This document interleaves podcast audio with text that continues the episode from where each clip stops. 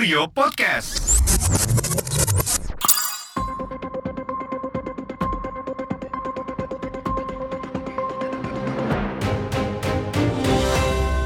Halo teman-teman Kurio, balik lagi di podcast Sorot. Eh, kali ini masih ditemani dengan gua Ipang. Ada gue Agung. sama gue Ogi Ogi Nawa. Nah, teman-teman, eh, apa kabarnya semuanya? Baik. Sehat. Eh, eh, sehat sih tadi gue habis imunosai. Ya, Wih, mantap. Teman-teman, eh, episode kali ini tentu saja kita akan bahas berita yang lagi rame karena eh, undang-undang yang kontroversi ini katanya baru saja diketok kemarin ya. Ya kemarin malam. Jadi Kemarin malam. di Hmm. Jadi jam- eh, omnibus Iya, iya. law atau undang-undang cipta kerja ini udah resmi diparipurnakan di DPR dan menjadi undang-undang. Dan apa namanya eh, prosesnya sendiri ngebut ya Iya. kalau dari Sampai week, rencana sampai sebelumnya. weekend dikerjain lo gila. Sabtu tuh dia ada ada ada rapatnya tuh tumben. Iya. Tumben banget weekend kerja. Iya. Jadi eh, kita akan highlight juga eh, pasal-pasal mana saja yang bermasalah. Nanti teman-teman juga bisa baca-baca beritanya di Kurio untuk ngelihat pasal-pasal yang bermasalah, bermasalah. Karena banyak banget berita ya mengenai Undang-Undang Cipta Kerja ini. Iya. Eh. Sarannya sih baca beritanya tuh yang dari 5 Oktober paling enggak tuh. Ya, Pokoknya betul. awal Iya. Oktober deh Kak. Itu udah biasanya berita harusnya sih si media ng- ngutipnya dari eh, draft yang versi terakhir ya. Hmm, hmm, hmm. Ya karena kan sebenarnya ini udah nggak buru-buru juga sih ya apa dari rencananya kan udah dari awal tahun udah dibahas tuh cuman ya udah ada beberapa kali revisi gitu nah takutnya kalau berita yang lama ya versi awal Iya, sih iya. gitu nggak update Karena kayaknya juga banyak beredar versi-versi yang lain Gi ya, kayaknya ya Gi. ya. yang tadi Ber- lo dapet berita dari mana bang Ya tadi gue baca tentang eh, infografis Merdeka itu juga dari merdeka.com-nya mengklarifikasi karena yang beredar itu infografis yang di bulan Februari gitu loh. Jadi mungkin eh, poin-poinnya udah ber- udah ada beberapa yang berubah di eh, draft finalnya untuk eh, undang-undang ini gitu loh. Hmm. Jadi teman-teman bisa lihat sendiri eh, baca beritanya di merdeka.com soal ini. Gitu. Nah, kita mulai aja kali ya untuk nge-highlight eh, beberapa yang eh, bermasalah ya untuk pasal-pasalnya ya. boleh Nah, ini Oh. gue baca dari liputan6.com nih, berita eh, hari ini. Itu di pasal 42 Undang-Undang Cipta Kerja, jadi pasal ini mengatur soal kemudahan izin bagi tenaga kerja asing. Nah, ini contohnya di bidang startup. Eh, perusahaan yang menjadi sponsor tenaga kerja asing itu hanya perlu rencana penggunaan tenaga kerja asing atau RPTKA untuk mempekerjakan orang asing. Nah, padahal pada aturan-aturan sebelumnya, TKA itu harus mendapatkan izin dari sejumlah pejabat nih. Mereka juga harus memenuhi sejumlah syarat lain gitu. Nah, misalkan aja, misalkan ya pada pasal 42 Undang-Undang Ketenagakerjaan yang mewajibkan tenaga kerja asing mendapatkan izin tertulis dari menteri atau pejabat yang ditunjuk. Juga Perpres nomor 20 tahun 2018 tenaga kerja asing harus mengantongi perizinan seperti RPTKA, visa tinggal visa tinggal terbatas, VITAS, dan izin menggunakan tenaga kerja asing atau IMTA. Gitu. Itu yang eh, pasal 42. Terus lanjut eh, Yang tenaga kerja asing apa lagi selain tenaga kerja asing ya, ini di pasal 77A nih. Di pasal ini itu berpotensi meningkatkan waktu kerja lembur dan memangkas hari libur pekerja. Yang, sebelum, yang Nah, sebelumnya pasal- itu jadi, yang lima hari jadi enam hari gitu ya? Itu bukan sih? Iya. Kan. Kabarnya sih gitu gue pernah apa gue baca juga gitu. Nah pasal dalam Undang-Undang Cipta Kerja juga eh, akan menghapus batas waktu maksimal untuk pekerja kontrak menjadi pegawai tetap nih. Gitu. Jadi uh, pegawai kontrak itu gimana Gi? Jadi bisa kontrak terus aja kan? Ya betul gitu. Jadi kan kalau yang sekarang itu kan aturannya untuk kontrak itu kan ada batasnya kan. Jadi dia nggak bisa terus menerus dipekerjakan secara kontrak gitu loh. Sampai tahun keberapa itu dia harus diangkat menjadi pegawai tetap atau memang harus di cut gitu loh. Nah ini kalau untuk yang undang-undang ini eh, pegawai kontrak itu apa namanya eh, bisa gitu loh untuk eh, terus menerus gitu loh dipekerjakan gitu.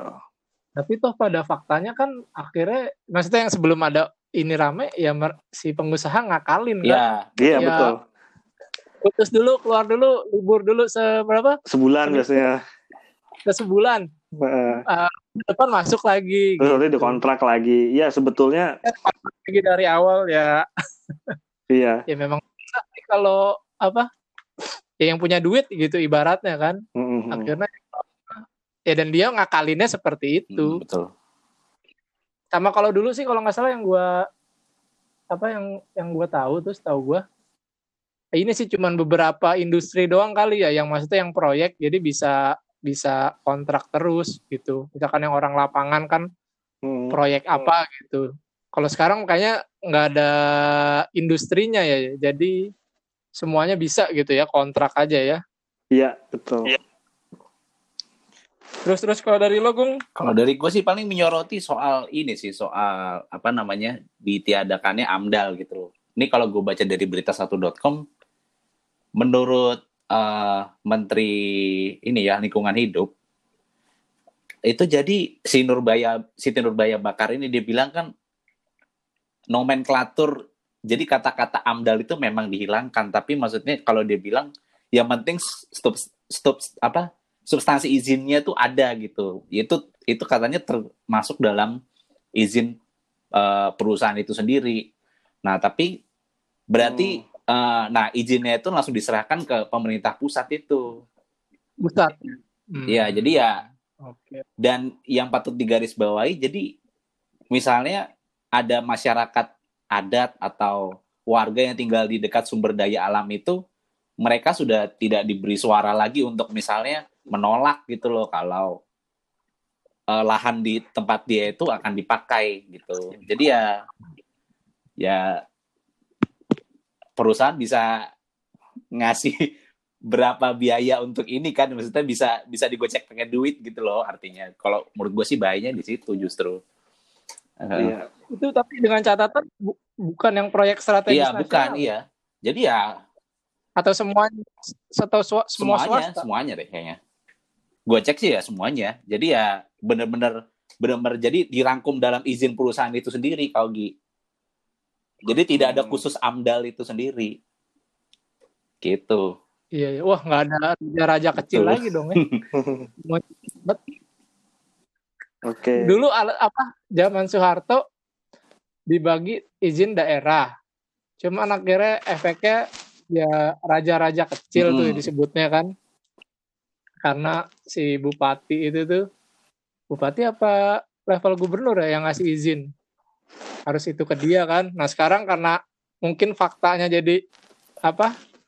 bikin ribet menyusahkan akhirnya ditarik Pusat, lagi ke iya. pusat gitu biar satu aja nanti bisa langsung Hmm. tapi ya Ya, asal pusat mm, bener ya. Tapi ya ini seperti kasusnya seperti yang pegawai kontrak tadi kan maksudnya ya sebelum ada omnibus law ini kan memang masyarakat masyarakat adat itu kan ya sudah mengalami hal ini juga ya mungkin kalau misalnya ini ini udah sudah disahkan nggak tahu di ke depan mungkin akan jadi lebih parah kali ya bisa jadi sih Ya, bisa jadi.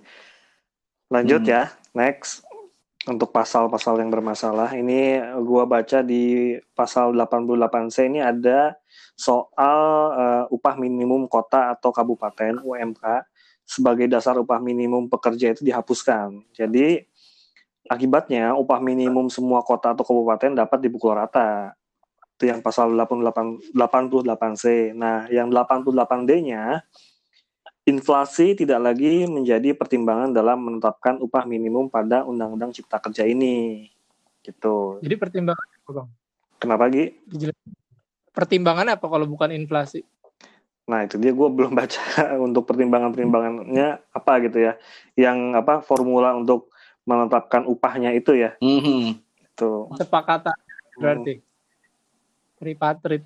Ya. Tapi ya kalau tidak berdasarkan inflasi kan kalau sekarang kan inflasi rendah ya. Mm. Malah sekarang gara-gara pandemi deflasi. Harusnya sih kalau inflasi nggak dihitung ya bagus menurut gua gitu loh. Karena kalau dihitung tuh inflasi tuh rendah sekarang. Mm. Nggak kayak dulu inflasinya tinggi. Jadi ya naiknya tinggi. Hmm. Sekarang rendah. Ya, cuman itu dia sih Ya, harus for- dipastiin formula formulanya penentuan apa sih. upahnya gimana kan maksudnya? Iya. Tapi berarti kalau yang lo sebut tidak ada UMK atau kabupaten atau kota, berarti provinsi ya? Bisa jadi ya eh, ke provinsi. Gitu. Kayaknya sih iya yang yang yang rame disorot itu kan wah ada UMK. Jadi yang tadinya tinggi mah jadi rendah, yang Hmm. tadinya rendah ya jadi naik dong. Iya. Yang daerah yang biasa diupah murah. Next ya. jadi lebih rata dong. Nih, eh, pasal selanjutnya yang bermasalah juga dia ada di pasal 156. Jadi eh, pasal ini mengurangi jumlah pesangon yang dibayarkan perusahaan dan membebankan sebagian ke, ke BPJS Ketenagakerjaan. Jadi Undang-Undang Ketenagakerjaan itu kan mengatur pemutusan hubungan kerja mengha- mengharuskan pengusaha membayar pesangon 32 bulan Hmm. upah kan.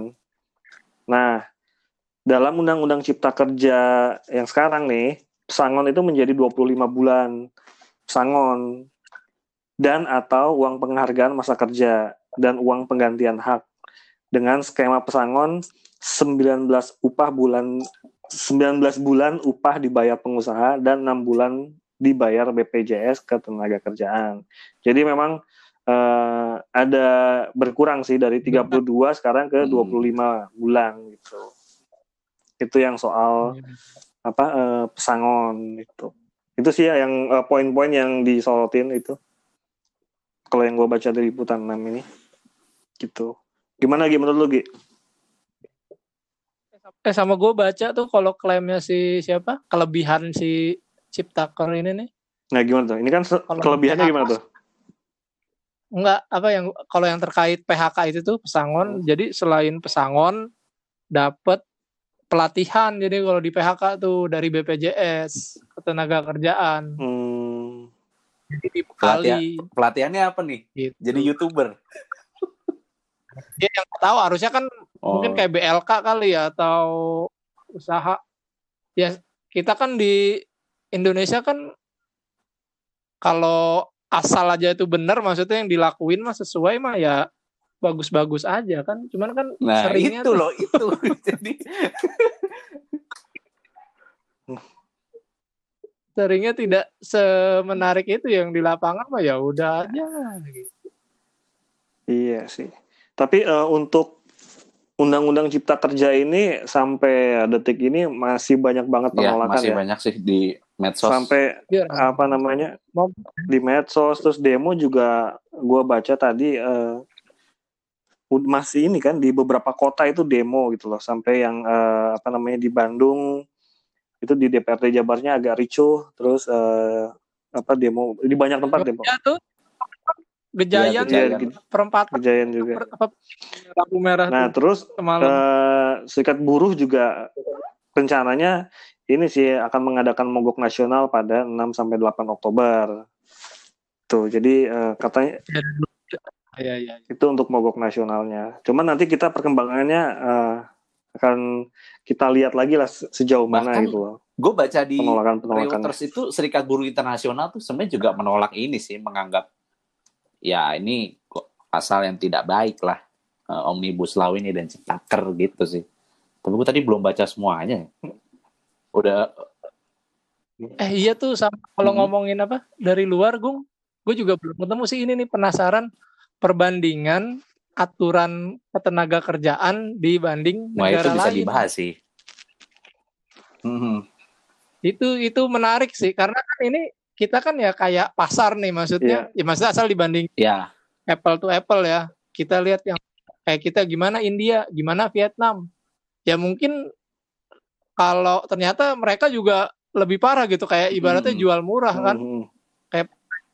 itu nganggapnya itu sih maksudnya yang gue belum dapat ya mungkin gue nyarinya kurang kurang kurang tekun kali ya atau mungkin belum di translating kali sama media nasional nah itu belum ada sih perbandingan itu Hmm. gitu jadi maksudnya buat ya bagus juga kan buat insight kita bahwa oh keadaan global Ini kalau- tuh kayak Kalau yang gue loh baca di adakomas.com ini jadi eh, situs resmi IT, I- ITUC sekretaris jenderalnya namanya Saran Burrow dia mengatakan kalau UU Cipta Kerja ini yang baru disahkan DPR itu bisa mengganggu terhadap Sustainable Development Goals atau pembangunan berkelanjutan yang diga ya ya yang digagas Yes. oleh PBB itu sendiri. Jadi ya ya berita ini sudah sama internasional sih. Ya buktinya ya kalau Iya. gue sih melihatnya ya prihatinnya ternyata waktu itu videonya Jokowi dia bilang dia dia negor keserawan terus dia menyinggung sense of crisis ya berarti ya ini cuma gimmick aja kemarin itu videonya kalau Hmm. kalau kalau bener-bener serius punya sense of crisis gue rasa ya tidak mengejutkan pilkada terus ya tidak mengkebut ini iya Ditunda ini at dulu least- gitu ya. ini kan masih banyak bermasalah gitu loh. Kenapa lu weekend bisa sampai bela-belain kerja untuk untuk ya untuk memperjuangkan mengesahkan ini selain mungkin transfer rekening yang udah masuk gitu. Hmm. tapi itu nyambung tau sebenarnya apa kalau dari segi politiknya gue tuh kalau kayak gini nih suka baca Hmm. analisis-analisis politiknya sih ya walaupun ya apa ya analisa orang aja kan nih ada yang bilang sih ya ada yang bilang gue baca di mana di Twitter lah Mhm. yang gue sering itu tuh yang isinya menarik dia tuh nyambung jadi sama si pilkada Hmm. karena kalau kalau RUU Cilaka ini betul, kan inisiatif si pemerintah kan ya Iya. Eksekutif. eksekutif. Nah, jadi kan yang bilang apa disebutnya kayak barter gitu loh, makanya bisa cepet prosesnya. Hmm. Hmm. Politik kalau yang si pilkada tetap jalan itu untuk partai karena kan ya pesta politik kan gitu loh, partai-partai di daerah Iya. kan. Betul. Mereka tetap jalan dan ada apa? Ya mereka bertarung gitu. Ada ada harapan bisa kali aja calon gua masuk gitu loh. Peta peta politik lah. Hmm. itu kepentingan si legislatif maksudnya politik parpol Oh, iya, nah iya. kalau yang RU di Ciptaker Tentang ini nih kepentingan pemerintah makanya cepat Untuk menarik Masuk- investor lagi ya. Nah, Masuk nyambung- akal sih, masuk nyambungnya akal. gitu tuh Hmm. pasti kan lu Iya. kayak dulu apa ya yang awal-awal itu kan juga cepet tuh apa bikin aturan tuh Hmm. Si apa sih yang awal-awal MKD itu ya Apa ya? Lupa aku lagi. gitu. Hmm. Ada yang kayak gini nih apa kayak barter barter politik aja gitu. Oh iya iya. Hmm. Ya begitu. Ya. Ya begitulah teman-teman. Nanti eh, teman-teman Kurio bisa baca mengenai analisa yang tadi Ogi ceritain juga di apa artikel yang ada di Kurio tentu saja. Teman-teman ada lagi Cukup sih. kira-kira? Jauh ini.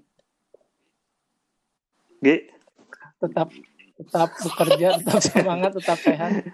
tetap sehat-sehat semua Ya. yang penting ya. Tetap sehat walaupun tidak berguna apa sih yang mem di rame. Oke lah. Oke teman-teman, makasih Yo, banyak. sama-sama, Mas Ipang. Kita ketemu di episode selanjutnya untuk tema-tema yang menarik lainnya. Teman-teman Kurio, terima kasih sudah mendengarkan. Bye malam. Bye-bye.